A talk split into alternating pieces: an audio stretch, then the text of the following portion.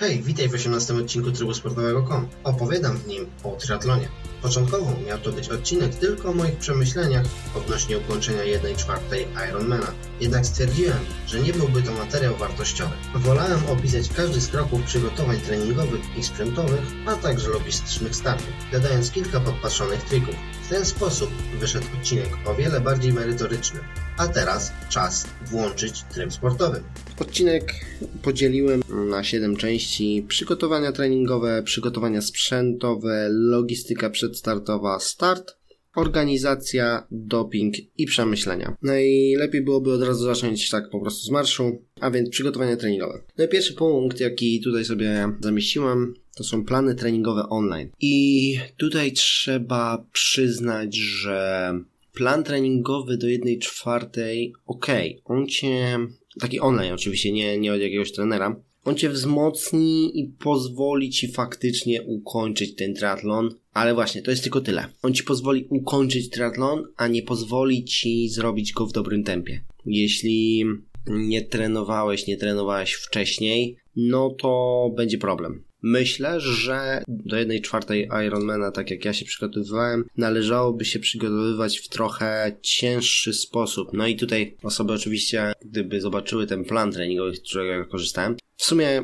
Dodam w linku w opisie, z którego planu treningowego dokładnie online korzystałem. Zajęło mi to około pół roku, no powiedzmy 5 miesięcy przygotowanie się. Odhaczałem sobie po prostu konkretne treningi. Ale wracając, te plany treningowe mają to do siebie, że trenują nas do za małej ilości dystansu, tak bym to nazwał. Tutaj faktycznie wyjątkiem jest pływanie. Pływanie trenujemy jakby ciut dalej niż my byśmy mieli dopłynąć, ale jednak pływanie open water, a pływanie w basenie, gdzie możesz się zatrzymać co 25 czy 50 metrów, to jest totalnie co innego, a co innego jest, gdy płyniesz w rzece, w jeziorze, w morzu i masz jakiś tam ruch, prąd wody też. Masz też innych przeciwników obok siebie. To, że na basenie jak ci nie pasuje, to sobie przechodzisz na inny pas i, i dziękuję. Dodatkowo, o tym już będzie później, ale w piance pływa się totalnie inaczej, to tak na, na wstępie. No i tak, w jednej czwartej triatlonu masz 44 i 10,5 km.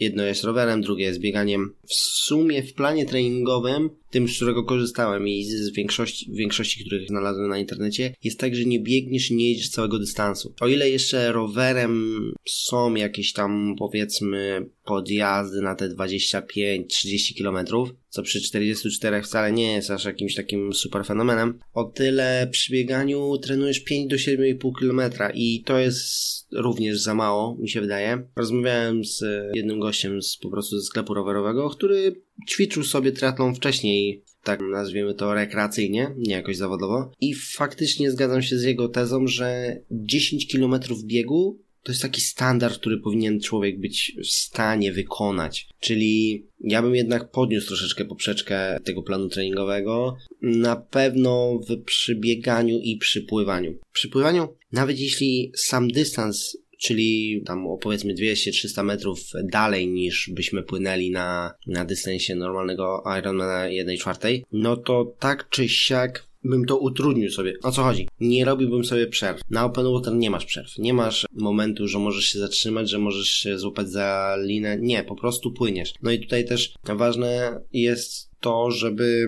umieć stylowo dobrze płynąć, czyli nie męczyć się bezsensownie, co ja oczywiście na swoim pierwszym triathlonie zrobiłem. No ale to może e, dalej. W każdym razie plany treningowe online, podsumowanie są ok, tylko że troszeczkę za mało dystansów w nich jest. Ja rozumiem, że jak osoba, która nie, nie ćwiczyła w ogóle, zobaczy nagle, że w planie treningowym jest 6 treningów na przykład tygodniowo, to to się wydaje dużo. I to jest dużo. Trzeba sobie po prostu przyznać, że to jest dużo, bo nawet jeśli powiedzmy masz treningi powiedzmy w siódmym tygodniu już, tak? Tam na, na 12 tygodni. To tak jak mówię, nawet jak masz siódmy tydzień i powiedzmy masz 50 minut jazdy rowerem w środę i później w czwartek masz 30 minut biegu, to się wydaje, że okej, okay, to są krótkie treningi, ale jak masz je robić dzień w dzień po pracy, czy jak jesteś zmęczony, jak jeszcze na przykład nie zjadłeś, bo stwierdziłeś, że będzie lepiej, dobra, idę pobiegać pół godzinki, ja dopiero później sobie zjem, wykąpię siebie, to to wpływa na człowieka. Trzeba też dostosować trochę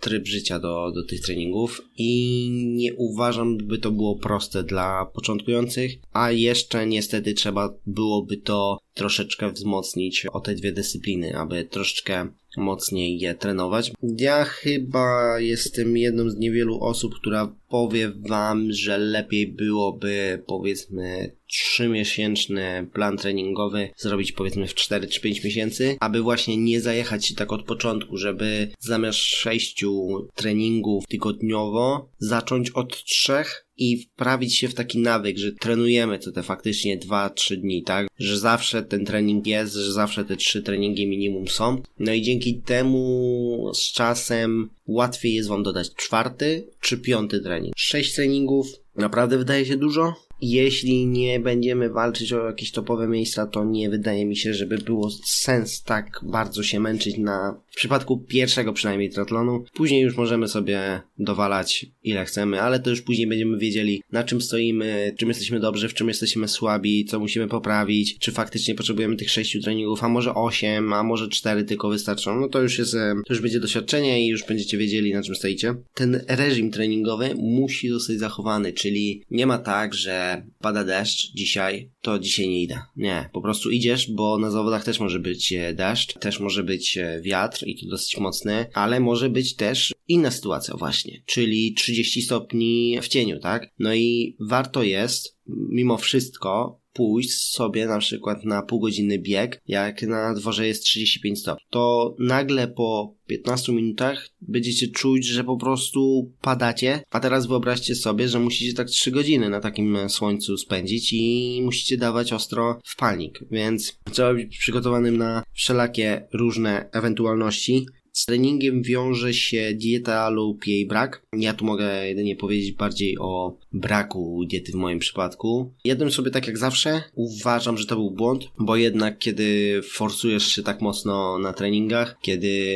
robisz faktycznie od tych 4 do 6 treningów tygodniowo, no i się spinasz na nich, jesteś zmęczony i tak dalej, to warto byłoby, żeby ciało też zaczęło fajniej wyglądać i żeby nawet sam wygląd może ciała to jest tam mniejsza. Bardziej chodzi o wagę, no bo jasne jest, że im mniej ważysz, tym mniej energii musisz zużyć, żeby to ciało przenieść z punktu A do punktu B. Jeśli jesteś chudszy, mięśnie rosną, no to jest ci łatwiej. No a jeśli brzuchol ci rośnie, co może się wydawać dziwne, ale no jeśli jest źle, no to i tak może być człowiek gruby, pomimo trenowania tak dużo w tygodniu. To nie jest nic jakiegoś dziwnego, to jest po prostu prawo fizyki. Ciało się przyzwyczaja do treningów i trzeba to bilansować zarówno dietą, jak i ćwiczeniami. No tutaj ciężko mi już odnieść się dalej do, do diety, no bo jak mówię, no nie trzymałem jej, więc dlatego też było mi ciężej, wydaje mi się, na zawodach. Pozycja na rowerze, gdy jesteś e, ciut grubszy niż inni zawodnicy, jest większym problemem, ponieważ musisz tak ustawić rower, tak ustawić kierownicę i siodełko, żeby to było w miarę optymalnie, ale też wygodnie. Tu trzeba byłoby zweryfikować, czy dobrze mamy ustawiony rower.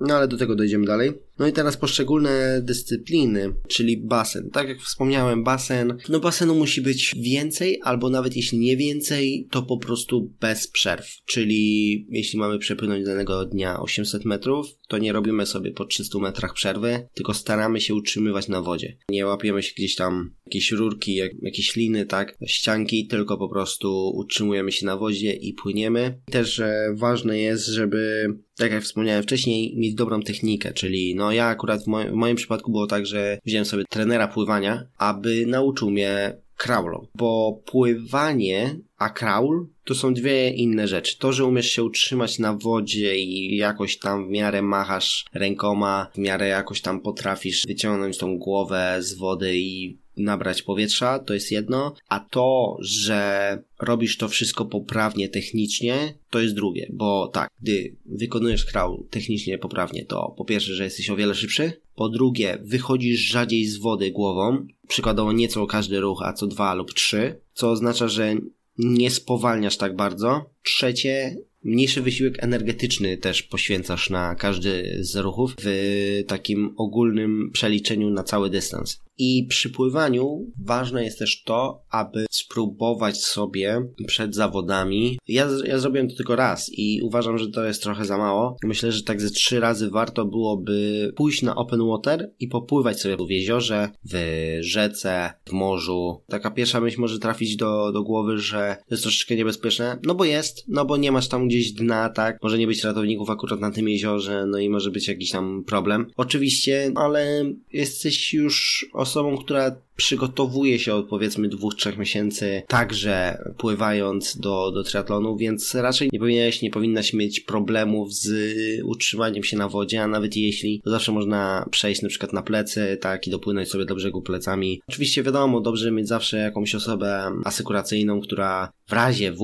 w jakiś sposób tam będzie mogła wam pomóc, czy choćby zajmie się waszymi rzeczami. Pływanie na basenie pływanie open water to co innego, a pływanie open water i open water na triatlonie, kiedy masz multum zawodników obok siebie, to jeszcze co innego. Tego już nie przećwiczysz, no bo jakby ciężko ci będzie znaleźć powiedzmy, nie wiem, 20 śmiałków, którzy by chcieli z tobą popłynąć obok ciebie na jeziorze i żebyście się troszeczkę tam poprzepychali łokciami, rękoma, więc tego raczej nie, nie, nie doświadczysz, to już trzeba po prostu na starcie doświadczysz tego, to jak to jest. Rower, tutaj fajnym rozwiązaniem, przykładowo w tym planie treningowym, który ja miałem, było to, że był zróżnicowany, czyli raz były na przykład podjazdy, były podjazdy na przykład jakieś konkretne minutowe, że przez minutę dajesz siebie wszystko, a później odpuszczasz, masz chwilę odsapnięcia i znowu tak etapowo trenujesz. To było całkiem spoko. Fajne było w tym planie, jeśli chodzi o rower, jakieś wyjeżdżenia, szybsze jazdy właśnie pod górkę, ale też to, że ogólnie ten cały plan był tak skonstruowany, że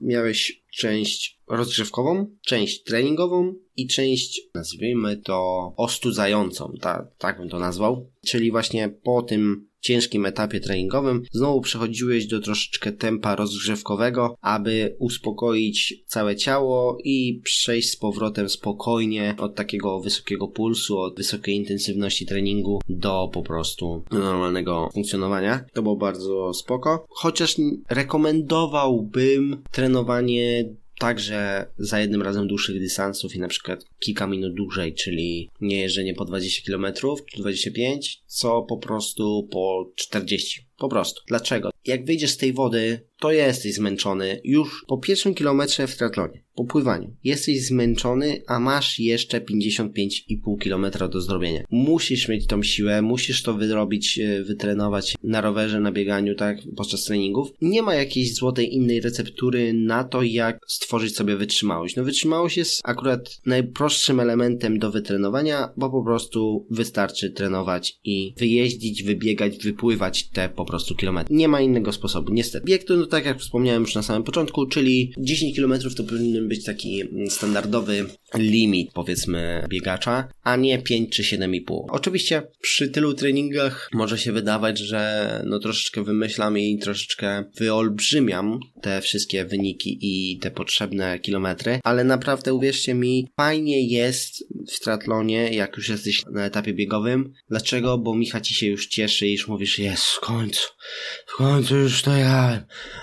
I sapiesz tam i po prostu biegniesz, ale z uśmiechem na twarzy. Fajnie też jest, jak będziesz w stanie ukończyć cały etap biegowy biegiem, a nie marszem, nie przechodzić do marszu. Moje tempo, tak jak mówię, no nie było jakieś zawrotne, bo 3,49 na 56,5 km to nie jest super wynik. Niemniej, no nie wiedziałem tego, co teraz wam mówię, czyli właśnie, żeby trenować ciut mocniej, ciut bardziej się starać. Jak będziecie w momencie treningowym, że Jezu, już mi się nie chce, po co ja idę na ten trening, przecież już jestem, nie wiem, w dobrej formie, to uwierz, że na mecie triatlonu będziesz sobie wdzięczny, wdzięczna za to, że tam się katowałeś strasznie na tych treningach. Tym przechodzę do przygotowań sprzętowych i zostaniemy przy biegu, czyli odpowiednie buty. No to jest chyba standard, tego chyba nie muszę tłumaczyć. Buty, trampki za 50 zł, a buty biegowe za 300 czy 500 zł, no to jest przepaść. Faktycznie warto zainwestować, żeby choćby nie mieć odcisków, żeby była wygoda biegu, bo chcesz tą wygodę. Chcesz mieć wygodę na ostatnim etapie, nie chcesz, żeby ci dręczyła stopa, chcesz mieć też dobre skarpetki do tych butów. Tutaj warto zainwestować, to tylko się przełoży na plus. Tutaj jakby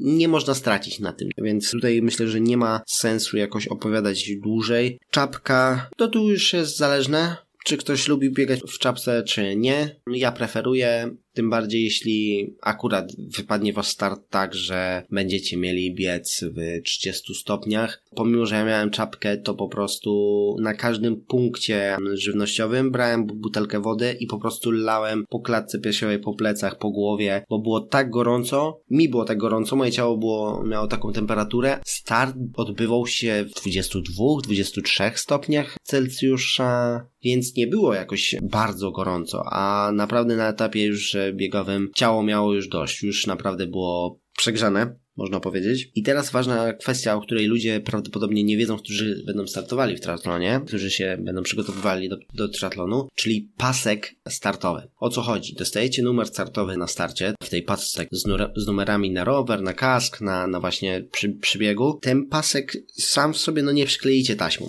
To tak nie działa. Należałoby właśnie zakupić pasek z takimi wczepami, nazwijmy to. Numer startowy, który będzie wydrukowany na kartce, on będzie miał specjalne dziury właśnie po to, żeby można było przymocować w tym miejscu na pasku. Paski kosztują 20-30 zł, więc to nie jest jakiś majątek. Dobrze już mieć go przygotowany wcześniej, żeby później nie stresować się w dzień startu, bo zapewne będziecie mogli kupić w dzień startu na jakimś stoisku, tak? Taki pasek startowy. Ja bym jednak wolał przyjść w dzień startu z świeżą głową, nie martwić się i zostawić już sobie dzień wcześniej, czy przed startem po prostu ten pasek przygotować i mieć. I tutaj jeszcze w przybiegu mam ostatnią zapisaną rzecz, czyli strój triatlonowy jest genialny i mega polecam. I też zmniejsza czas waszego triatlonu, bo wychodząc z, z wody wy już jesteście ubrani w strój triatlonowy i w piankę. Tam oczywiście czepek i gogle. Więc jak ściągacie tylko piankę po etapie pływackim, to rzucacie ją i w sumie ubierając buty i kask, Przepraszam, odwrotnie. Najpierw kask, potem buty, co jest ważne. Nie bierzecie roweru do ręki, dopóki nie macie na głowie kasku, ale do tego jeszcze dojdę. Rzucacie tą piankę i już jesteście ubrani. Nie musicie ubierać żadnych koszulek, spodenek, nic, przebierać się, tylko już jesteście gotowi, by ubierać tylko buty, kask. No i to jest wygodne, bo się sprawdza właśnie w dwóch dyscyplinach. Nie trzeba tego zmieniać i też Następna kwestia, że nie ociera. Strój triathlonowy ma tropowate strefy na ramionach i na udach, aby strój nie szedł do góry, co jest bardzo wygodne. Dzięki temu cały czas przylega do Was w idealnej pozycji. Nie musicie się martwić o jakieś obtarcia, nie musicie się martwić, że gdzieś tam Was podwieje wiatr, czy, czy coś się stanie. To jest bardzo wygodne. Też później łatwo ściągnąć, więc e, to jest też fajne. I jeszcze ważna rzecz, że szybko wysychają stroje triathlonowe, no bo jak wychodzicie z wody, no to będziecie i tak mokrzy. Wypadałoby, żeby ubranie, w którym jedziecie później na rowerze, a tu już zależne jest od tego, jak będziecie szybcy, no bo jak powiedzmy jedziecie 20, jedziecie 30, a jedziecie 40, 40 to jest też duża przepaść. No i ten wiatr, który was uderza, no żebyście później na przykład na następny dzień nie byli chorzy. Fajnie by było, żeby te ubranie było zaraz suche, jak wsiadacie na ten rower, więc to jest też fajne. I co? I przechodzimy właśnie do roweru. To już wspomniałem, więc od tego zacznę. Pozycja na rowerze. To ma bardzo duże znaczenie, bo musicie spędzić na tym rowerze od powiedzmy, no, niech będzie godziny do dwóch godzin. Musi być wam wygodnie. Co innego jest robić treningi, gdzie możecie sobie spokojnie zwolnić, tak, jak jesteście zmęczeni, to sobie odpuścić na chwilę. Na zawodach nie odpuszczacie. Na zawodach po prostu ciśniecie twardo, walczycie ze sobą, klniecie, śmiejecie się, przeżywacie wszystkie emocje naraz, ale mięśnie dalej muszą pracować i musicie trzymać swoje tempo. To jest ważne, żeby trzymać tempo. No i to, to ma znaczenie, czy kierownica jest wyżej, czy jest niżej, czy łapiecie górny chwyt, czy dolny chwyt, czy macie lemotkę, czy siodełko jest poziomo, czy jest lekko obniżone czubkiem, więc no to ma znaczenie, zwłaszcza u facetów, jeśli jesteś w pozycji takiej, nazwijmy to, leżącej na rowerze, leżącej, czyli że się pochyliłeś mocno na kierownicy, to niestety twoje przyrodzenie będzie ugniatane przez te siodełko, no a jak masz przez te godzinę, dwie godziny z ugniatanym jechać, to może to boleć, więc nie wiem jak jest u kobiet, więc być może też mają jakiś dyskomfort. Niemniej, wtedy dobrze jest przechylić na przykład siodełko, czyli czubek siodełka troszeczkę niżej. Czemu? No właśnie, żeby dać lekką przestrzeń przyrodzeniu, no ale też nie może być za nisko, no bo będziecie spadać z tego siodełka, tak? A macie się utrzymywać. Wiadomo, że pozycja będzie się różniła od tego, czy właśnie macie lemotkę, czy nie macie.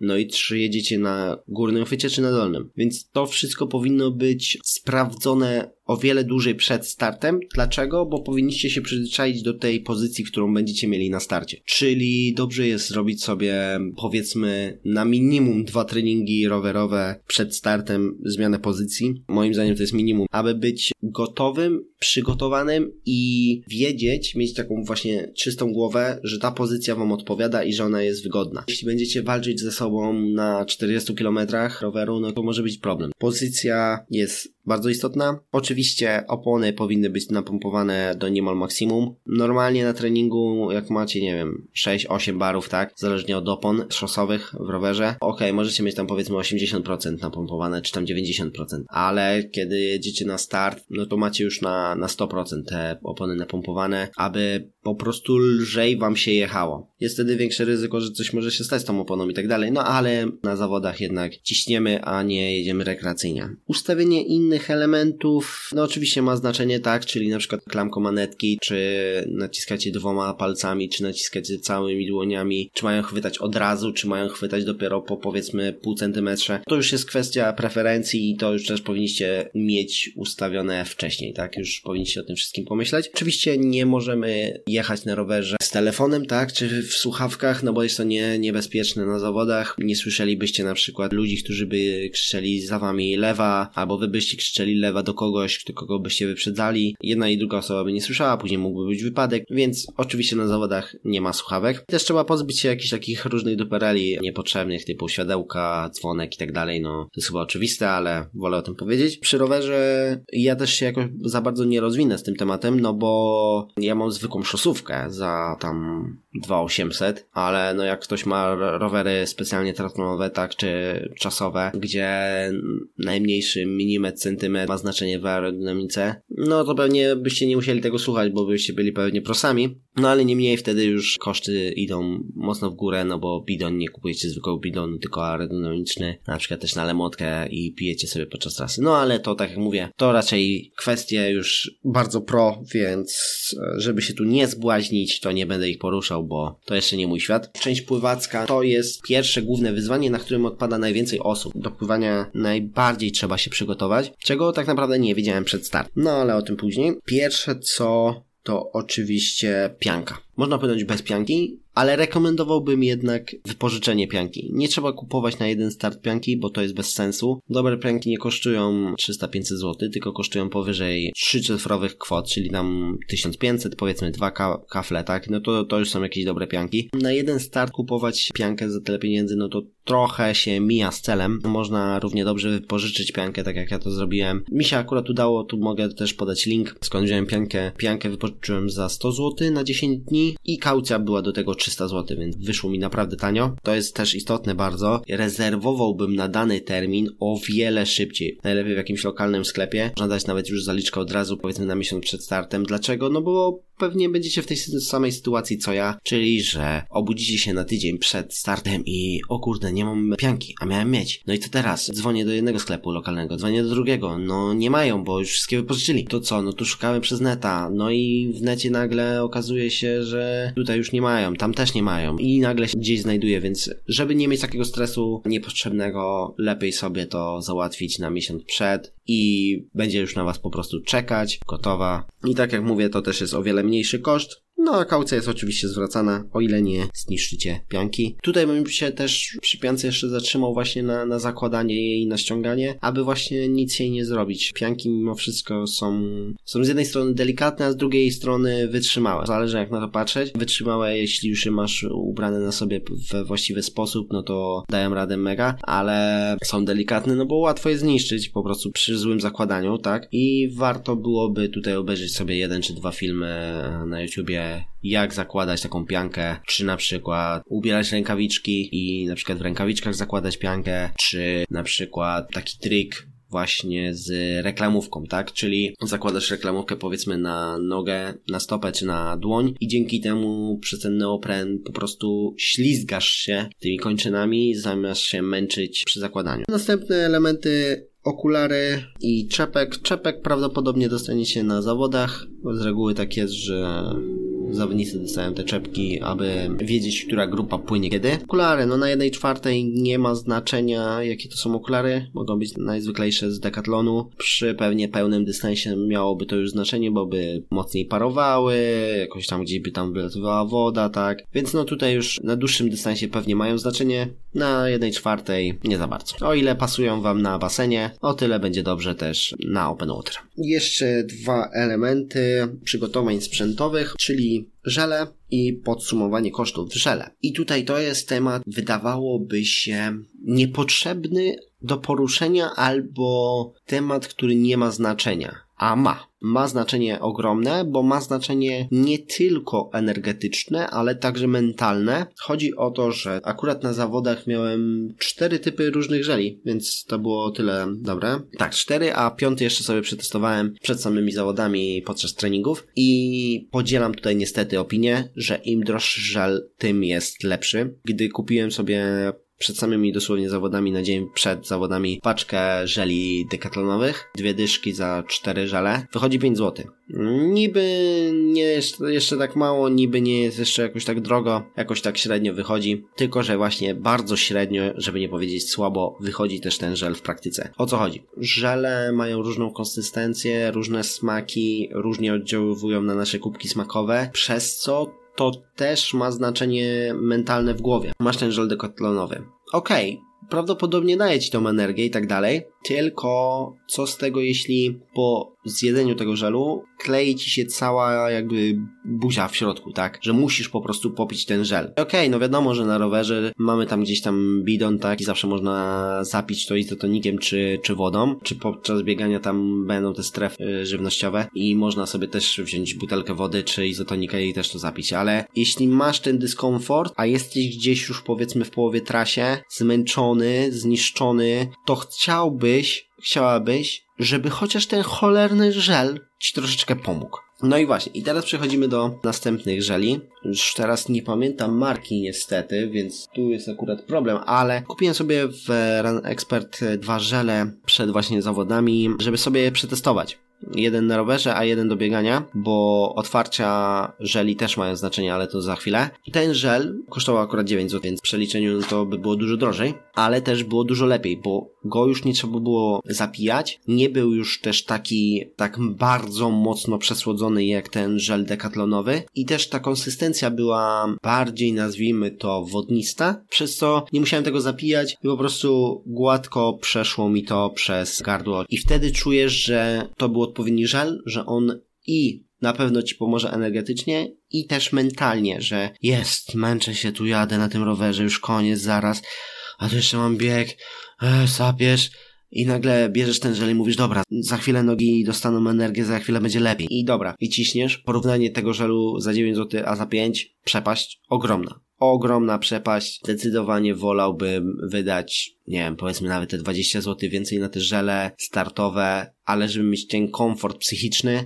niż zaoszczędzić te głupie 20 zł. Pomijając, że sam sport jest drogi, więc te 20 zł nie powinno robić jakiejś różnicy. I jeszcze był inny typ żelu, który dostałem w paczce startowej na zawodach. Tą firmę już pamiętam, to był żel od firmy Ale, orzeźwiający taki dosyć, więc fajnie się złożyło. Akurat na trasie rowerowej, bo zużyłem trzy żele. Pierwszy był właśnie ten dekatlonowski, który musiałem zapić. Drugi był właśnie ten żel Ale. Nie dam ceny, no bo on był już w paczce. Co było fajne w nim, to to, że on orzeźwiał, czyli właśnie taki miał smak, który miał imitować taką lekkość. No i faktycznie też był taki wodnisto-żelowaty, czyli właśnie też tak przypływał po prostu przez gardło, co dało takiego fajnego kopa w głowie, że o, ale fajnie, takie przyjemne to. Tu się męczę, ale tu tak przyjemnie, więc fajnie. No i później właśnie był ten trzeci, więc ma znaczenie żel, ma znaczenie jak otwieramy dany żel. Przykładowo na rowerze to już zależnie od preferencji, ale fajnie mieć żel w tubkach. Dlaczego? Bo po prostu otwieramy taką tubkę, coś jak ala od pasty, tylko nie odkręcamy, tylko po prostu otwieramy i wyciskamy. Dzięki temu nie musimy się martwić, że musimy jakby na raz wciągnąć ten cały żel, bo ewentualnie można go zamknąć. Albo też, że nie wycieknie nam gdzieś po opakowaniu i na ręce nie zostanie, tak? Nie będziemy z brudną ręką na przykład dalej gdzieś tam pedałować. To jest wygodne. Nie ma wtedy potrzeby jakoś specjalnie przygotowywać się do tworzenia żelu. Dziwnie to brzmi, ale kiedy masz żel właśnie na taką tubkę, to po prostu wyciągasz go powiedzmy z kieszeni stroju triatlonowego,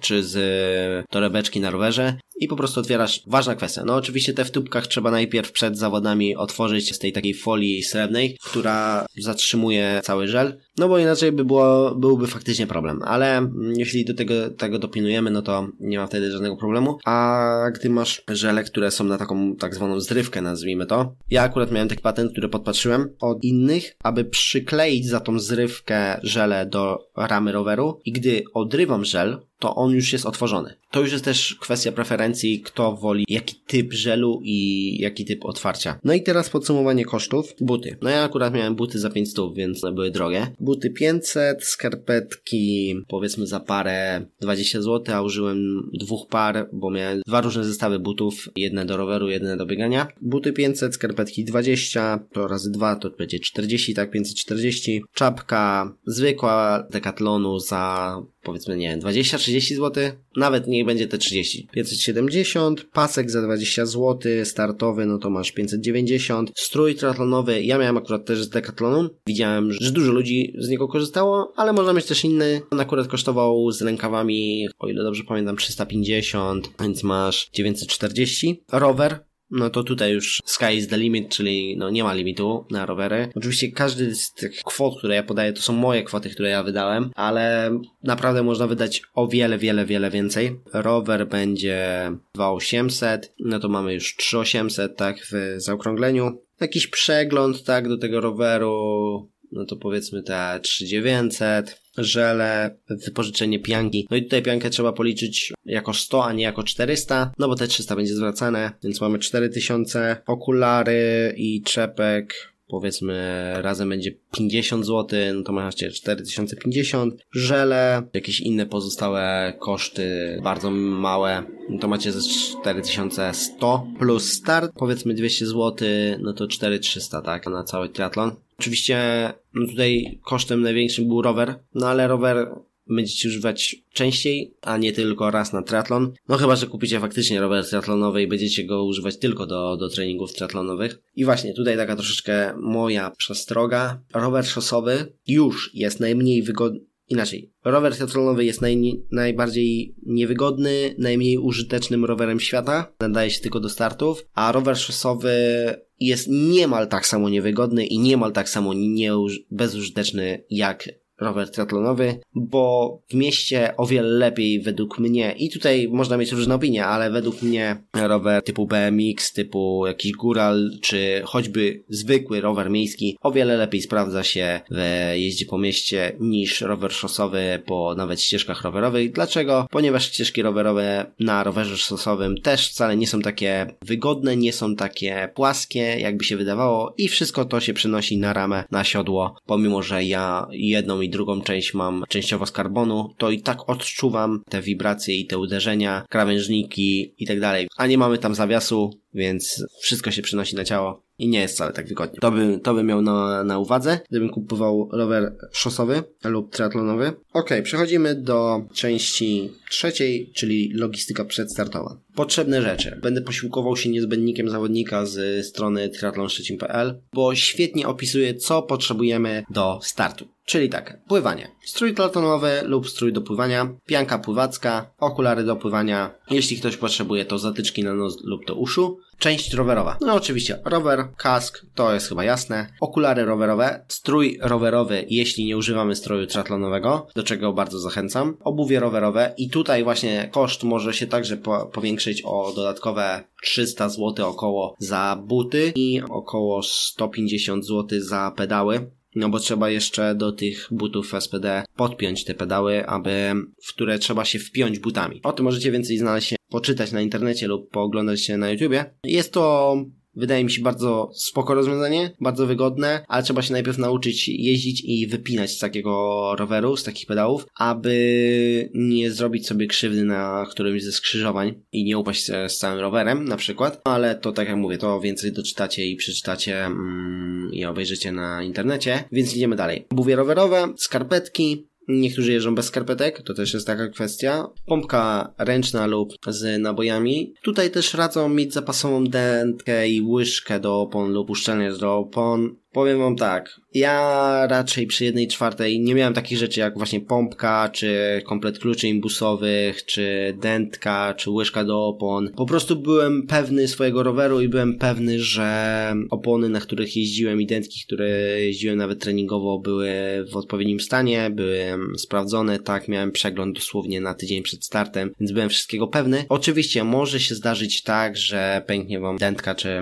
stanie się coś z oponą i będziecie musieli to zmienić. No ale myślę, że na pierwszy triatlon na jedną czwartą to po prostu prawdopodobnie nie ukończycie zamiast zmieniać te opony.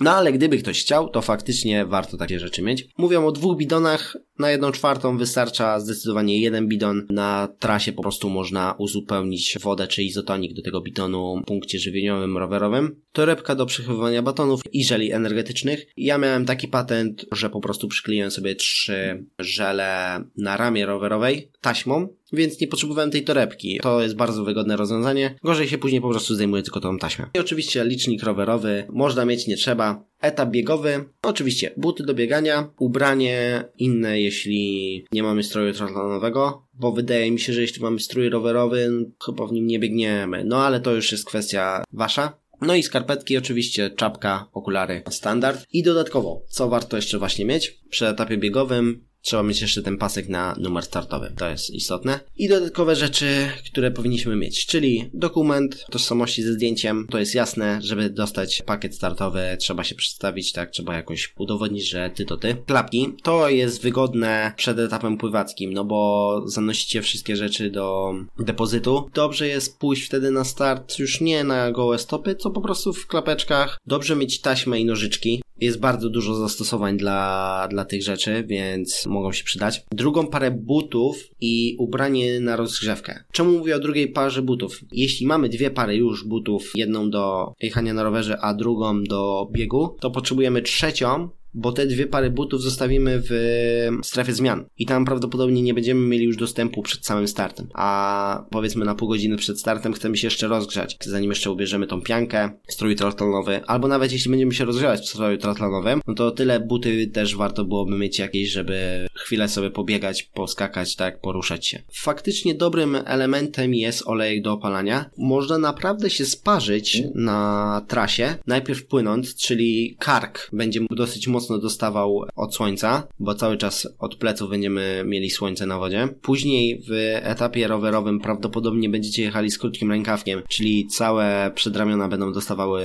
od słońca. Tak samo jak nogi od kolan w dół, więc tutaj warto byłoby nasmarować się takim olejkiem. Tu bym też uważał z tym olejkiem odnośnie pianki, aby on nie oddziaływał, nie miał jakichś składników, które by oddziaływały na piankę. Tutaj trzeba było się zastanowić i wybrać taki, który by pasował właśnie do pianek neoprenowych. Ręcznik, bardzo wygodna rzecz. Gdy wrócicie z pływania, to chcecie się wytrzeć mimo wszystko gdzieś tam na głowie, tak, nogi, stopy, tak, żeby wytrzeć, bo buty będziecie ubierać, tak, jeśli skarpetki, to skarpetki też bardzo się przydaje i tak samo przy strefie zmian z roweru na bieg, ręcznik też się przyda. W moim przypadku taka ciekawostka, strefa zmian była na, nazwijmy to, strefie bez dachu. W nocy padało a zostawiłem rzeczy już na dzień przed startem w swoim koszyku i się tak zastanowiłem, a dobra, położę ręcznik sobie na te wszystkie rzeczy, że w razie gdyby miało coś zmoknąć, to zmoknie tylko ręcznik. No i miałem rację, zmógł tylko ręcznik. Na szczęście to też jest zawsze wygodne, chociaż zawsze można było mieć folię na, na rower czy na, na, na tą skrzyneczkę, którą mieliśmy z rzeczami. Tutaj też bym się zastanowił nad czymś, co ochroni rower i rzeczy, jeśli będziemy mieli strefę zmian, tak jak my, bez dachu, przed choćby deszczem czy wiatrem. Następnym elementem będą rzeczy do roweru, czyli smar, jakieś szmaty do czyszczenia roweru, pompka duża, nią jest po prostu łatwiej napompować sobie opony. Oczywiście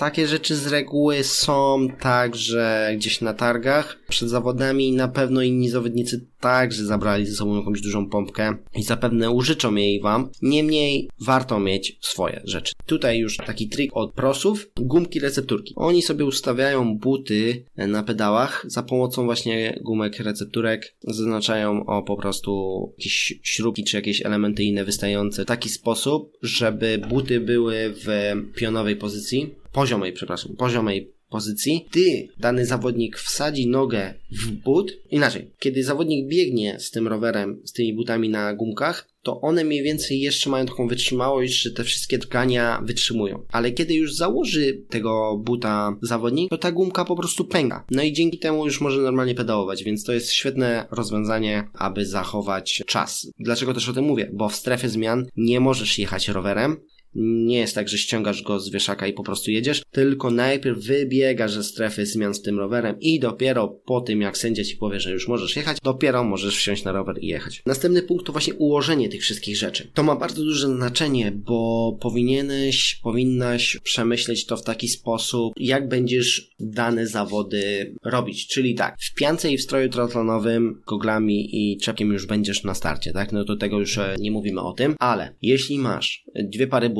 czyli jedne do roweru, jedne do biegania. No bo też jest co innego, kiedy masz buty założone na pedałach już, rowerowe, a co innego, kiedy masz osobne buty do jazdy rowerem, a do biegania. Takie zwykłe, bez pedałów, w które się wpinamy. To wtedy musisz położyć najpierw parę butów do biegania na samym spodzie, a dopiero wyżej te buty do roweru. Wydaje się, że to, co mówię, jest trywialne, ale uwierzcie mi, że się o tym zapomina po prostu w tak e, na, na co dzień i dopiero jak faktycznie przychodzisz do tej strefy zmian przed samymi zawodami, żeby zostawić rzeczy, dopiero się zastanawiasz, jakby to było wszystko optymalne. Czyli tak samo musi być z czapką, musi być z ręcznikiem, z skarpetkami. Skarpetki dobrze jest mieć już odwinięte i włożone po prostu po jednej skarpetce w danego buta, żeby po prostu się tylko wśliznąć w te skarpetki, w te buty i jechać. Każda rzecz musi być po kolei, czyli jeśli masz ten już strój triathlonowy, no to nie musisz mieć żadnych spodenek czy koszulki, ale przykładowo kask zawsze moim zdaniem zawsze powinien być pierwszy. Najlepiej byłoby go zawiesić na kierownicy roweru. Przychodzimy z wody,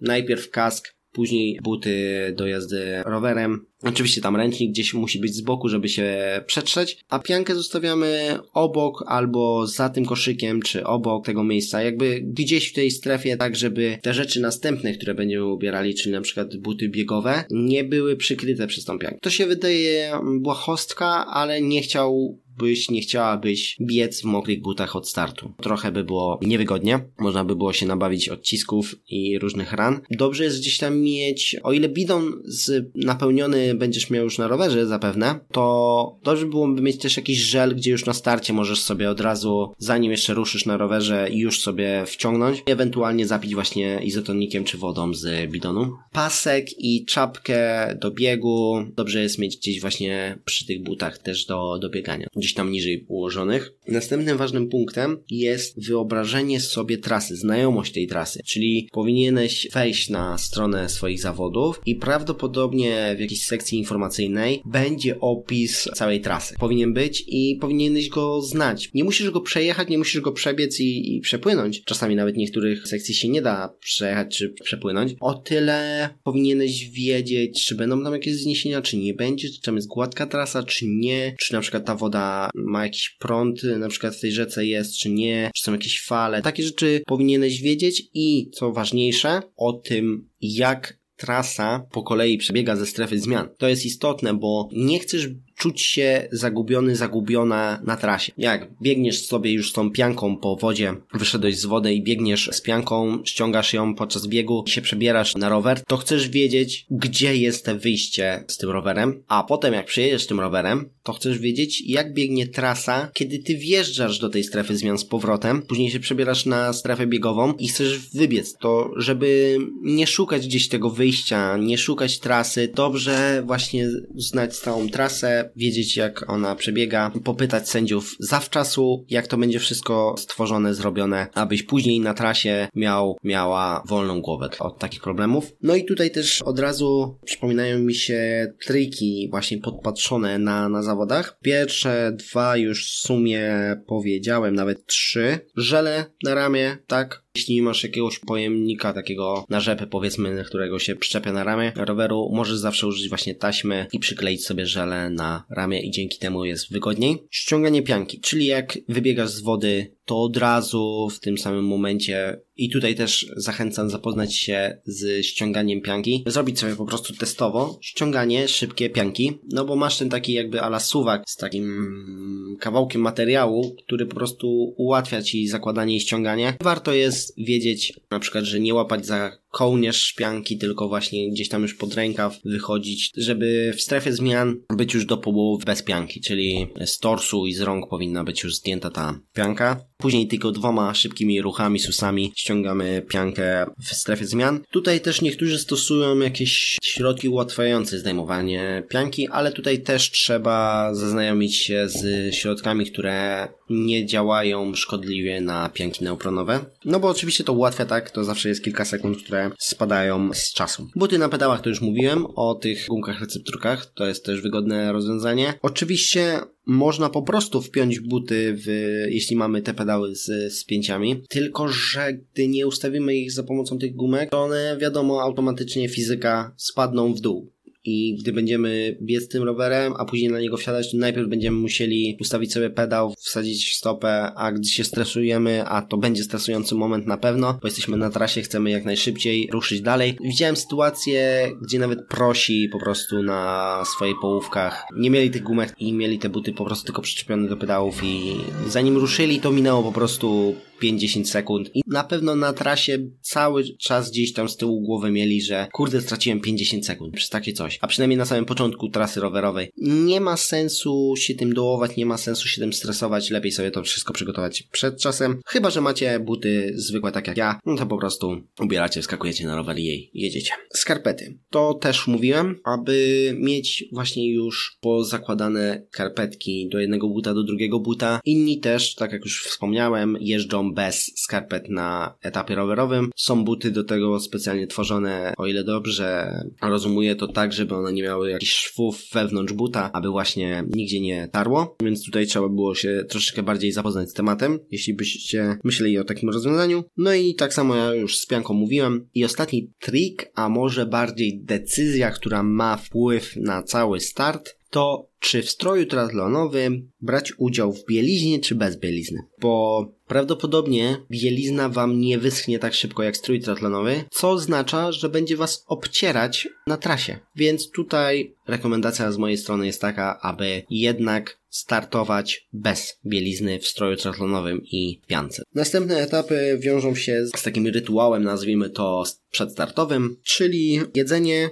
i toaleta. Jedzenie dobrze sobie zjeść do maksymalnie 3 godzin przed startem, gdzieś tak 2-2,5 godziny przed startem zjeść takie normalne jedzenie, pełne węglowodany, aby mieć energię na samym starcie. Ewentualnie podjeść sobie coś bardzo małego na półtora godziny przed startem, tak? No to, to, to tam, czy nawet na tą godzinę przed startem coś bardzo małego jeszcze tam można byłoby wciągnąć. I toaleta. To jest dosyć istotny, głupi punkt. Mówię o nim tylko dlatego, że sam o nim zapomniałem. Bo po prostu skupiłem się na całym starcie, na rozgrzewce, na tym, żeby wszystko szło mi idealnie w czas i zapomniałem o głupiej toalecie. Przez to musiałem zatrzymać się na trasie rowerowej, na drugiej pętli, aby skorzystać A tak nie powinno być, no bo przez to straciłem, nazwijmy to, z minutę, półtora. No i jeśli na przykład mamy jakiś ustalony cel, powiedzmy poniżej 3 godzin, chcemy ukończyć, a wiemy, że tak jesteśmy na styk, że będziemy na styk, no to widzicie, to już na przykład półtora minuty może spowodować, że na mecie będziemy uradowani, bo będziemy mieli 2,59,50, albo będziemy z takim troszeczkę niedosytem, że o kurde, ta toaleta gdzieś tam na trasie była i jest 3 godziny na przykład 30. I będzie taki niedosyt lekki.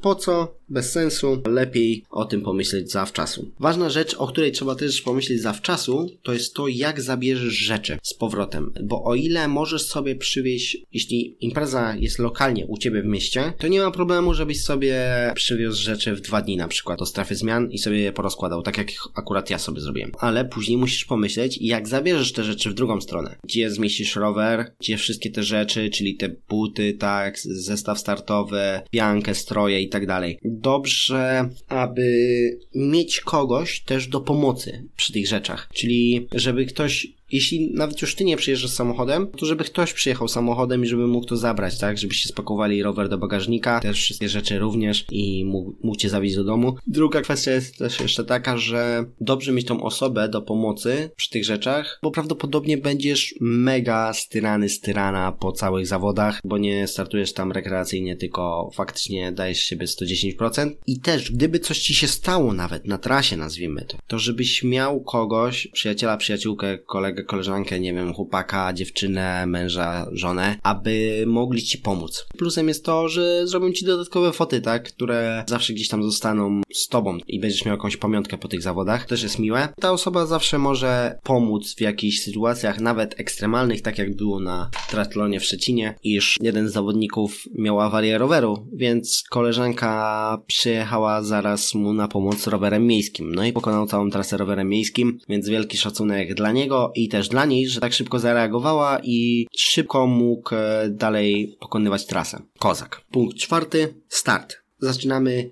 nie od wejścia do wody, o dziwo, a od rozgrzewki. Wydaje mi się, że to jest jeden z najważniejszych elementów w ogóle w całym triatlonie.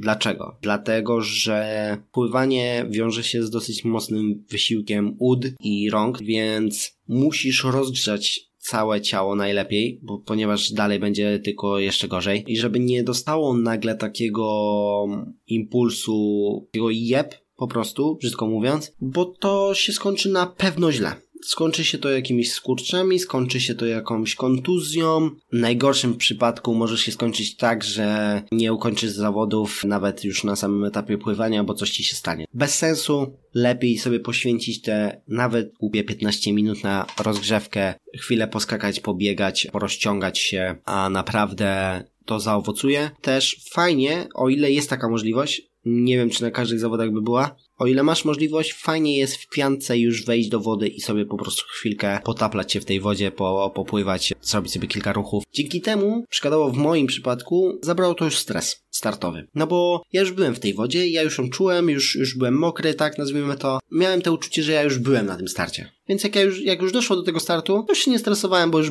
już, już wiedziałem jaka jest ta woda, już nie było, nie była zimna, nie było, nie było żadnego takiego jakiegoś uczucia, żebym jakoś to odczuwał specjalnie. Na etapie pływackim zachowaj swoje tempo na wodzie. Ludzie mogą ci uciekać na dosłownie, nie wiem, pół okrążenia, mogą ci, możesz ich wyprzedzać mega szybko, bo mogą być dwa różne scenariusze, albo może być tak, że, płyń, że będziesz cały czas płynął obok kogoś. To jest najgorszy akurat scenariusz, jeśli płyniesz obok kogoś bo prawdopodobnie, znaczy z jednej strony najgorsze, z drugiej najlepszy, bo prawdopodobnie będziesz próbował w pewien sposób się ścigać z tą osobą, a przynajmniej zachować jej tempo i ona twoje, prawdopodobnie. A to jest błąd, bo prawdopodobnie również nie jesteście w takiej samej formie. Prawdopodobnie nie pływaliście tyle samo, nie jesteście tak samo wytrenowani. Być może on ma ciut lepszą technikę, czy ona, albo odwrotnie, może ty masz. O ile ty jesteś w lepszej pozycji, czyli ty masz, ty się mniej męczysz i masz lepszą technikę, to jest spoko. No bo się trzymasz kogoś w tym przypadku słabszego i na pewno dopłyniesz i na pewno nie zmęczysz się jakoś tak nadto, ale może być też tak, że przez to będziesz płynąć wolniej i ukończysz pływanie w gorszym czasie, albo druga strona, czyli ty jesteś tą gorszą osobą i ty cały czas nadganiasz to tempo osoby obok, przez co forsujesz się zbytnio i później ma to wpływ na końcówkę choćby etapu pływackiego, a jak nie na końcówkę etapu pływackiego, to to się odbije gdzieś w którymś etapie rowerowym albo biegowym. Zachowajmy swoje tempo. Sekcja wodna powinna być pokonana w swoim tempie. Ewidentnie. Nie możesz się spalić, nie możesz się napompować na samym starcie i przepłynąć powiedzmy 300-500 metrów na pełnym speedzie, na pełnej pompie, po czym następne 400 będzie zdychał i oby tylko dopłynąć. No nie może tak być, bo to się odbije, tak jak mówię i będzie o wiele gorszy czas, nie tylko na części wodnej. Następny ważny punkt w całym starcie to jest żywienie i picie, czyli nie bierzemy żeli w momencie, kiedy już czujemy, że mamy spadek energii ogromny, albo kiedy czujemy, znaczy głodni nie powinniśmy się czuć o, ogólnie, to też e, do tego bym dążył, ale nie możemy brać żeli w momencie, kiedy jesteśmy już zmęczeni. Jakby już, już czujemy, że nie ma energii w, w nogach, tak, nie ma energii w ciele. Dlaczego? Bo to już jest za późno. Jak wziąłeś żel w momencie, kiedy poczułeś etap, że już nie masz sił, to znaczy, że już jest za późno i ten żel jedynie spowolni spowalnianie ciebie. Musisz sobie przemyśleć, jak często albo co jaki czas najlepiej będziesz brać żele. Jak często będziesz pić wodę czy izotonik. No to też jest już kwestia preferencji, więc tutaj Ja akurat na rowerze na 44 km zjadłem 4 żele, wypiłem półtora bidonu, czyli cały bidon izotonika i połowę gdzieś wody. Dużo, niedużo, ciężko mi oceniać. Ważne, że też nie możesz przydobrzyć, tak? Czyli to nie może być tak, że co 15 minut będziesz brał, brała żel, bo to też nie o to chodzi. Poza tym, im więcej żeli spożytkujesz, tym coraz gorsze, gorszy smak one będą miały i coraz bardziej nie będzie ci się chciało ich jeść. A więc też dobrym na przykład elementem na trasie już biegowej jest choćby pomarańcz czy kawałek banana. No to też są jakieś takie inne elementy, które mogą zastąpić żele. Ważny następny punkt w całym starcie, zero przerw. Nie możesz dopuścić do przerwy. O ile możesz w biegu przejść do marszu i tu nie ma z tym żadnego problemu. Nie ma żadnego problemu z tym, że przełączysz sobie przerzutki w rowerze na niższe. O tyle nie możesz się zatrzymać. No jeśli nie jest to wymuszone jakąś siłą wyższą, typu choćby toaleta, tak, czy wypadek, to są inne kwestie. Do momentu, kiedy jesteś na trasie, powinieneś, powinnaś być cały czas w ruchu. Nawet jeśli będzie to wolny ruch, to powinien być ciągły ruch. Nie, nie, nie powinieneś przejść do zera. Dlaczego? Dlatego, że wcale zatrzymanie się, a później znowu pędzenie wcale nie będzie o wiele lepszą techniką niż po prostu zwolnienie na jakiś kawałek czasu po to, żeby troszeczkę sobie energii odzyskać. O wiele lepsze rozwiązanie będzie po prostu spowolnienie, ale ciągły ruch niż przerwa, super sprint, przerwa, super sprint, przerwa. Bieg i szczęście. Tak sobie zapisałem ostatni punkt z części czwartej, bo faktycznie kiedy dojeżdżasz tym rowerem cholernym do strefy zmian,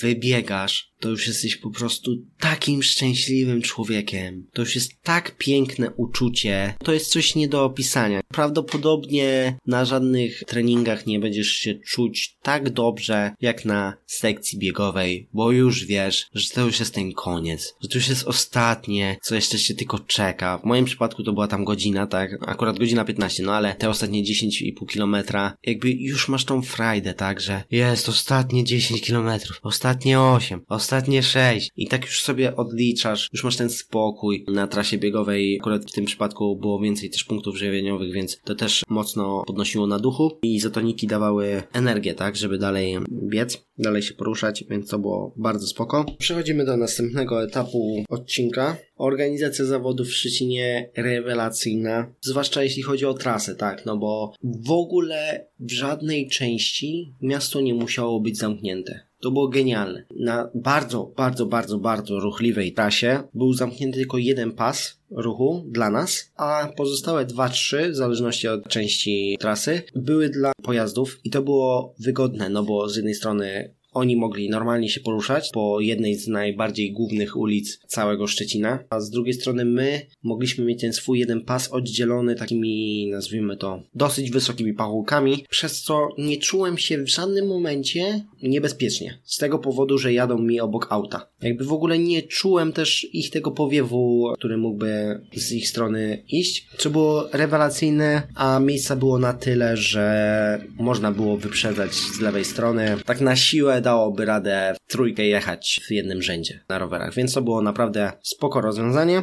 Jeśli chodzi o trasę, pętle były też fajnie zrobione, zarówno rowerowa i biegowa. No pływanie jedynie faktycznie chyba na część pływacką od ósmej, no nawet powiedzmy szybciej, od siódmej do powiedzmy jedenastej pewnie była zamknięta ten kawałek Odry, tak, dla ruchu łódek czy statków. To chyba nie jest aż taką dużą trudnością, żeby te 4 godziny jeszcze poranne, zwłaszcza w porcie tam zostać. Nie było jakiegoś takiego odzewu negatywnego ze strony miasta, więc to było spoko, jeśli chodzi o ludność. Punkty żywieniowe i psikawki. Psikawki tak sobie nazwałem, zabawnie, ponieważ na trasie biegowej były dwa miejsca z takimi wężami, które po prostu pryskały wodą, co bardzo było pożądane akurat w tamtym etapie i dosyć mocno chodziło ciało, więc to było bardzo wygodne. Punkty żywieniowe była jedna opinia, że punkt żywieniowy na trasie rowerowej był um, w złym miejscu, za szybkim miejscu, gdzie nikt z niego nie korzystał. Nie wiem, czy był w za szybkim miejscu, nie wiem, czy nikt z niego nie korzystał. Wiem, że ja na pewno skorzystałem choćby z tej toalety i wzięcia butelki wody później. Przynajmniej jedna osoba tam skorzystała, to bym ja.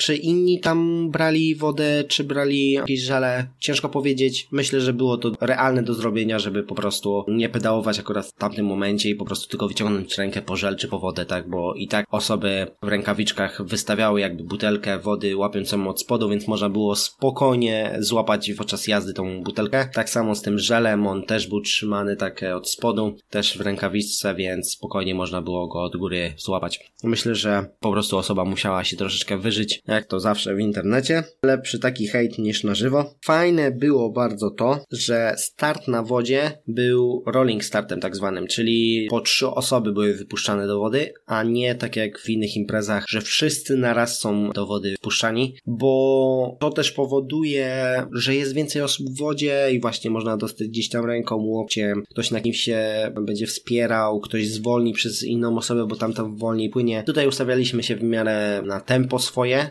jakie czuliśmy, czyli najszybsi poszli do przodu, najwolniejsi poszli do tyłu. Dzięki temu nie było takich właśnie walk podczas tego etapu pływackiego, a nie oszukujmy się, jest to najbardziej niebezpieczny etap i najbardziej wymagający też, więc to było bardzo wygodne i super było to, że był czas mierzony netto każdego zawodnika, czyli ty byłeś wypuszczany jeszcze przed, nazwijmy to, wejściem do wody, czyli wchodziłeś najpierw na taką platformę i dopiero wtedy, gdy byłeś na tej platformie, dopiero zaczął ci się liczyć czas i dopiero jak z niej, i z niej schodząc wskakiwałeś do wody. Więc w trójkach byliśmy puszczani co 3-4 sekundy. Usłyszałem też opinię, że to było ciut za szybko. Moim zdaniem było to spoko, bo każde tam powiedzmy te dwie następne sekundy, trzy, no już by powodowały, że coraz dłuższy dystans miała być każda ta osoba pomiędzy tymi grupami, no i to by wydłużyło troszeczkę start. Myślę, że było spoko, nie było tragedii, tak, ja nikogo jakoś nie, nie trafiłem, nikt nie trafił mnie i każdy płynął w miarę w spokoju, nazwijmy to, swoim tempem. Właśnie, zapomniałem o tym powiedzieć wcześniej, więc tutaj tak dodam. Dlaczego warto mieć piankę? W przepisach triatlonowych z reguły jest tak, że jeśli woda jest poniżej 14-16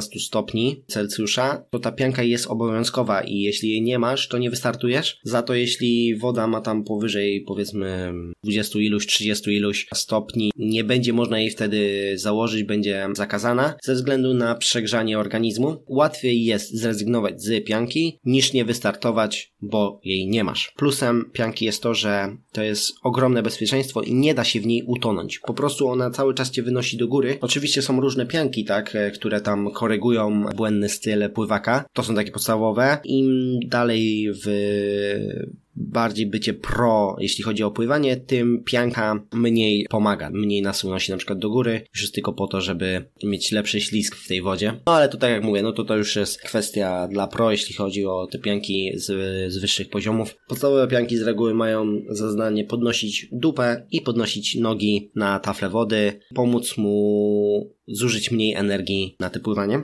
Doping. Dałem sobie osobny w ogóle cały dział tego odcinka, bo doping był po prostu nieziemski na tych zawodach. Pierwszy raz miałem do czynienia z tyloma kibicami, którzy pomimo, że cię nie znają absolutnie, nigdy cię nie widzieli i prawdopodobnie nigdy więcej cię już nie zobaczą, to po prostu tak cię dopingują. Widzą, że opadasz sił, mówią dawaj, dasz radę, trzymaj się. Widzą, że idziesz to, mówią dawaj, nie idź, tylko biegnij, dawaj. Chociaż lekkim truchtem wytrzymasz to jeszcze, już mało zostało. Wszystkie punkty żywieniowe na trasie biegowej też cały czas cię dopingowały. Cały czas pytali wszyscy z tych, nazwijmy to tak brzydko, podawaczy płynów czy, czy jedzenia, czy chcesz to, czy chcesz tamto, zawsze mogłeś się dogadać, że na przykład z drugiej strony weźmiesz i tak dalej. Już na ciebie to ta osoba czekała z tą, z tą wodą czy tym płynem. To było naprawdę genialne i tym samym dopingowali cię też przy tej wodzie. Ostatni element na całej trasie biegowej, czyli powiedzmy ostatnie 70-100 metrów, to był tak nieziemski doping, że czułeś się, jakby to była rozgrzewka dopiero i chciałeś biec sprintem dosłownie na metę, bo tak podgrzewali atmosferę właśnie ci kibice, tak cię dopingowali, tak ci gratulowali, że to już jest ostatnie 70 1100 metrów, wszyscy się jarali. Komentator też tam na samych ostatnich tych okrążeniach zawsze wymieniał imię zawodnika danego i, i też go motywował do tego, żeby ukończyć te zawody. Typu, dobra, Konrad dajesz ostatnie jeszcze 70 metrów, dawaj, dawaj. I właśnie na metę wbiega Konrad na przykład. I, I to było genialne. Więc doping i ta atmosfera na tych całych zawodach po prostu nieziemska. Każdy sędzia pomocny przy wcześniejszym na przykład układaniu rzeczy, czy kogoś zapytać o wiele różnych spraw i zawsze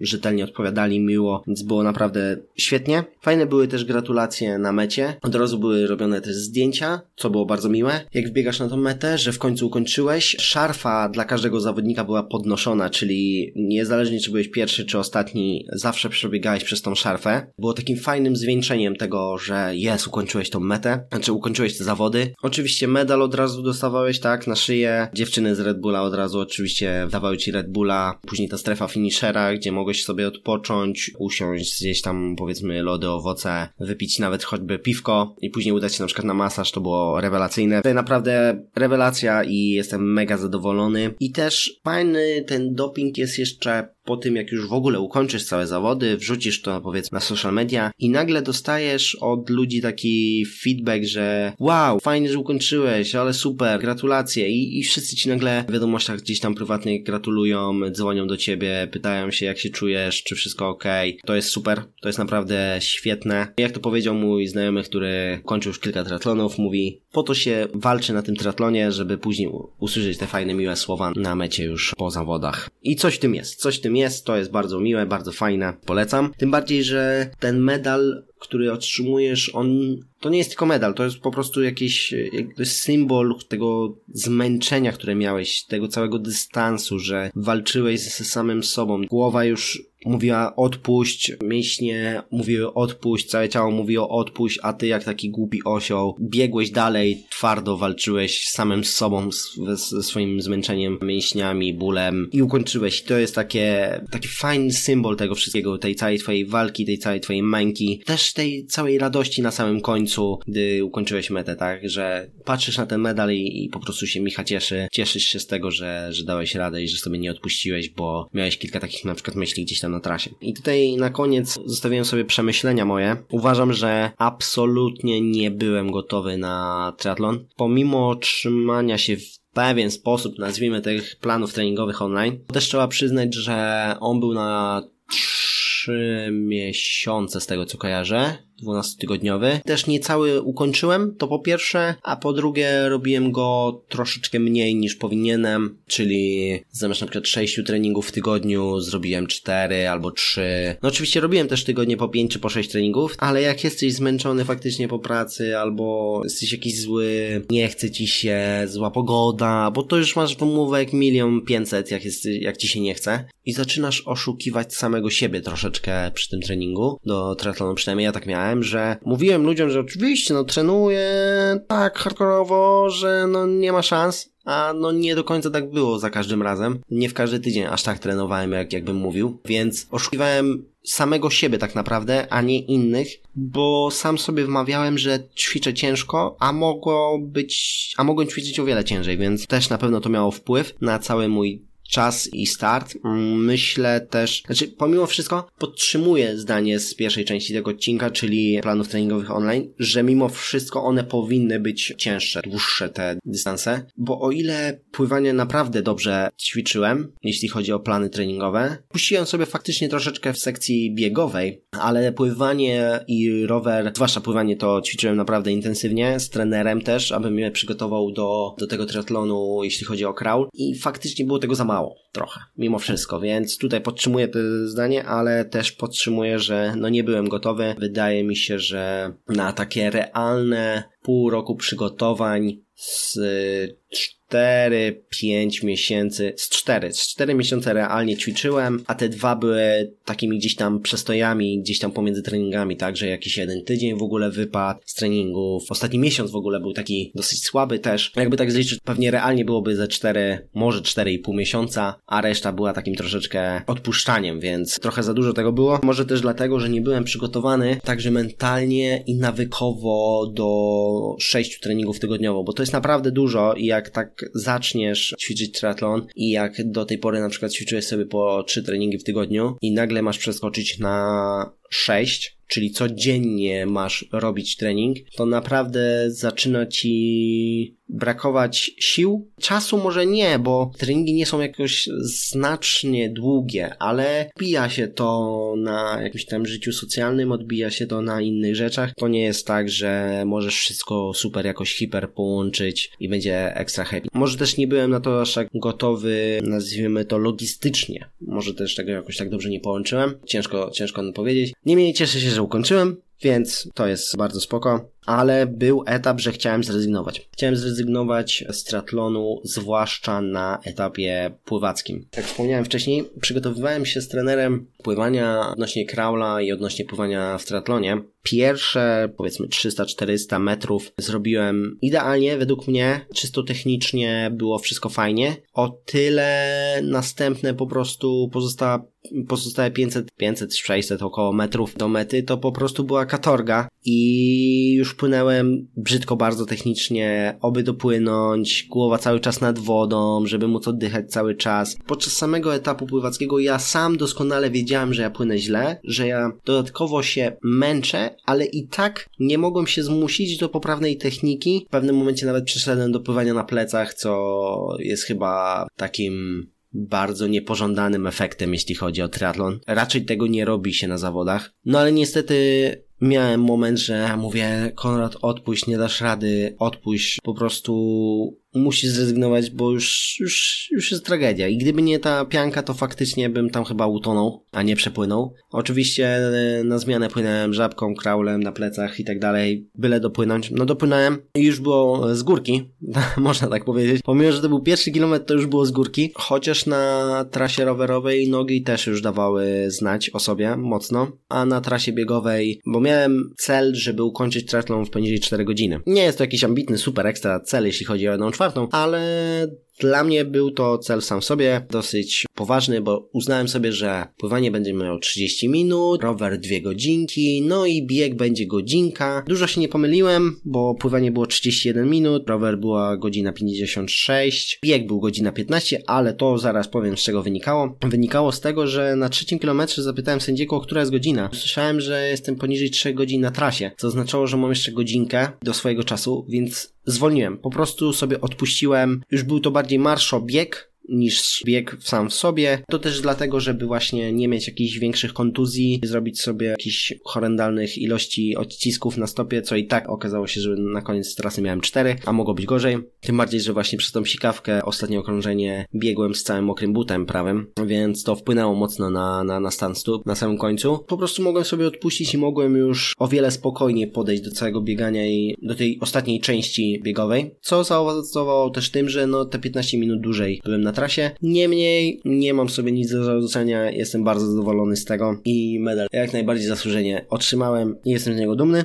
Ważne też jest pytanie tutaj sprzęt a trening. Czy sprzęt potrafi naprawdę mocno pomóc w triatlonie? Tak i nie. Oczywiście, że jeśli masz rower o powiedzmy 2-3 kg lżejszy, to przez całe 44 km będzie to o 2-3 kg mniej w napędzaniu i to ma wpływ na czas, ale z drugiej strony nie chciałbyś być wyprzedzany na jakimś super rowerze triatlonowym przez gościa, który jedzie powiedzmy na BMX-ie. To by było troszeczkę słabe. Tak jak wspomniałem przy części przygotowania treningowego, tym odcinku, trzeba tą wytrzymałość wytrenować. Trzeba ją wyjeździć, wybiegać, wypływać i choćbyś miał najlepszy rower, najlepsze buty, najlepszą piankę, to nie będziesz najlepszy na zawodach, jeśli nie trenowałeś wystarczająco dużo. A druga sprawa, że jeśli masz naprawdę pro sprzęt, to może on działać nawet na twoją niekorzyść, jeśli nie wiesz jak go odpowiednio wykorzystać. Tutaj bym się zastanowił, raczej nie szedłbym, jeśli myślicie o pierwszym triatlonie, raczej nie szedłbym w jakiś hardkorowy sprzęt, nie myślałbym o Bóg wie jakich pieniądzach, raczej szosówka. Myślę, że już od Sory można kupić szosówkę, już na niej jechać. Oczywiście im wyższe formy przerzutek, Shimano na przykład tam 105, to będzie tylko lepiej. Rower 9-10 kg na Sorze już powinien być wystarczający. Buty biegowe za 200-300 zł także powinny dać radę, nie musisz mieć za 5 stów. Sam mówiłem, mam też dużo rzeczy z Decathlonu i nawet opinie o rowerach Betwina z Decathlonu też są z reguły pozytywne, więc może warto też iść w szosówkę od tej firmy. I ten sprzęt, tak jak mówię, no nie zrobi za ciebie roboty. No musisz to zrobić ty. Jak uznasz, że sprzęt już cię hamuje, wtedy to jest faktycznie moment, aby zmienić na lepszy. Ale do momentu, kiedy myślisz, że jeszcze możesz dużo z siebie dać, to nie ma sensu. Przykładowo, nie ma sensu kupować roweru 3 kg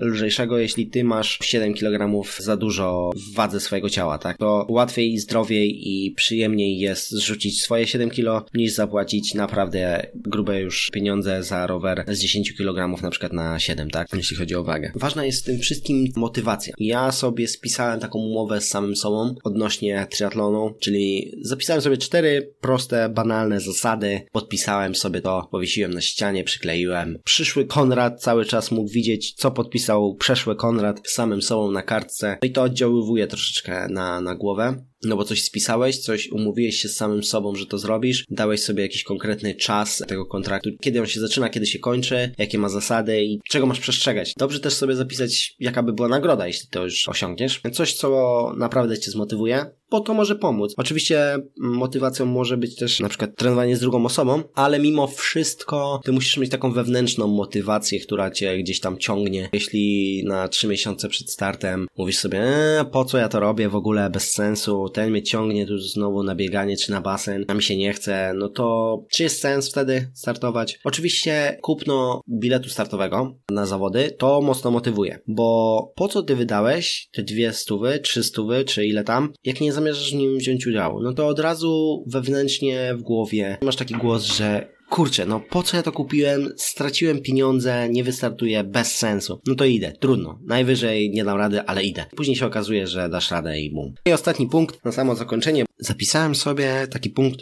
ostateczne szczęście. I jest coś w tym, że tak jak już wspomniałem, dobiegasz na tą metę i po prostu jarasz się całym tym procesem, który miał miejsce, jarasz się tym, że ludzie wokół ciebie się tym jarają, że ci gratulują, że ci dziękują. Później możesz z innymi zawodnikami też e, pogadać o tym. Jedna i druga strona jest zadowolona, pomimo, że was tam wszystko boli, tak? To nie jest tak, że jesteśmy nagle w jakimś siódmym niebie, że nagle wszystko odchodzi. Nie, oczywiście, że was nogi tak wam niszczą głowę, cały czas dają o sobie znać z każdym krokiem, ale mimo wszystko jest takie zadowolenie i te endorfiny uderzają gdzieś tam w głowę. No i też za 20 lat być może będziecie opowiadać na przykład wnukom czy tam dzieciom swoim, będziecie mogli się po prostu pochwalić takim tekstem, że no wiesz, twój dziadek to kiedyś kończył triatlon, nie? Kiedyś to był fest, chłop, a teraz, no teraz ma brzuszek piwny, no ale ter, ale wtedy to był chłop. Tego wam nikt nie zabierze, tak? Tych emocji, tych przeżyć, tych dokonań. To jest coś, czego okej, okay, triatlon jest drogi, ale nie da się kupić samego pokonania triatlonu, tak? Bo równie dobrze możesz pokonać triatlon w trampkach i na rowerze miejskim i bez pianki. Oczywiście to jest wersja dla bardzo hardkorowych zawodników, ale jakby ktoś bardzo chciał, to jest to możliwe. No i tak jak mówię, jakby zawsze będziesz mógł o tym wspomnieć, pochwalić się tym. Sam triatlon w sobie u wielu osób w głowach jest wyobrażeniem czymś trudnym do pokonania. Wydaje mi się, że większość osób myśli, że triatlon jest o wiele trudniejszy niż maraton na przykład. Osobiście też uważam, że tak jest. Osobiście uważam, że triatlon jest najtrudniejszym, najcięższym sportem, jaki do tej pory ćwiczyłem. Być może są trudniejsze i cięższe, jeszcze się z nimi nie spotkałem, być może w przyszłości. To jest pokonanie samego siebie przez cały ten czas, który byłeś na trasie. Cały czas walczyłeś ze sobą, cały czas była walka, czy troszeczkę zwolnić i odpuścić, czy jednak trzymać tempo, bo czas i upartość tego barana w głowie. No i z reguły wygrywa ten baran w głowie i ciśniesz i później dzięki temu jesteś zadowolony na mecie. No to by było na tyle. Odcinek jest dosyć długi. Jeśli będziecie mieli pytania odnośnie triatlonu, walcie do mnie, chętnie odpowiem. Do usłyszenia w następnym odcinku. Pamiętajcie, aby włączyć tryb sportowy. Hej!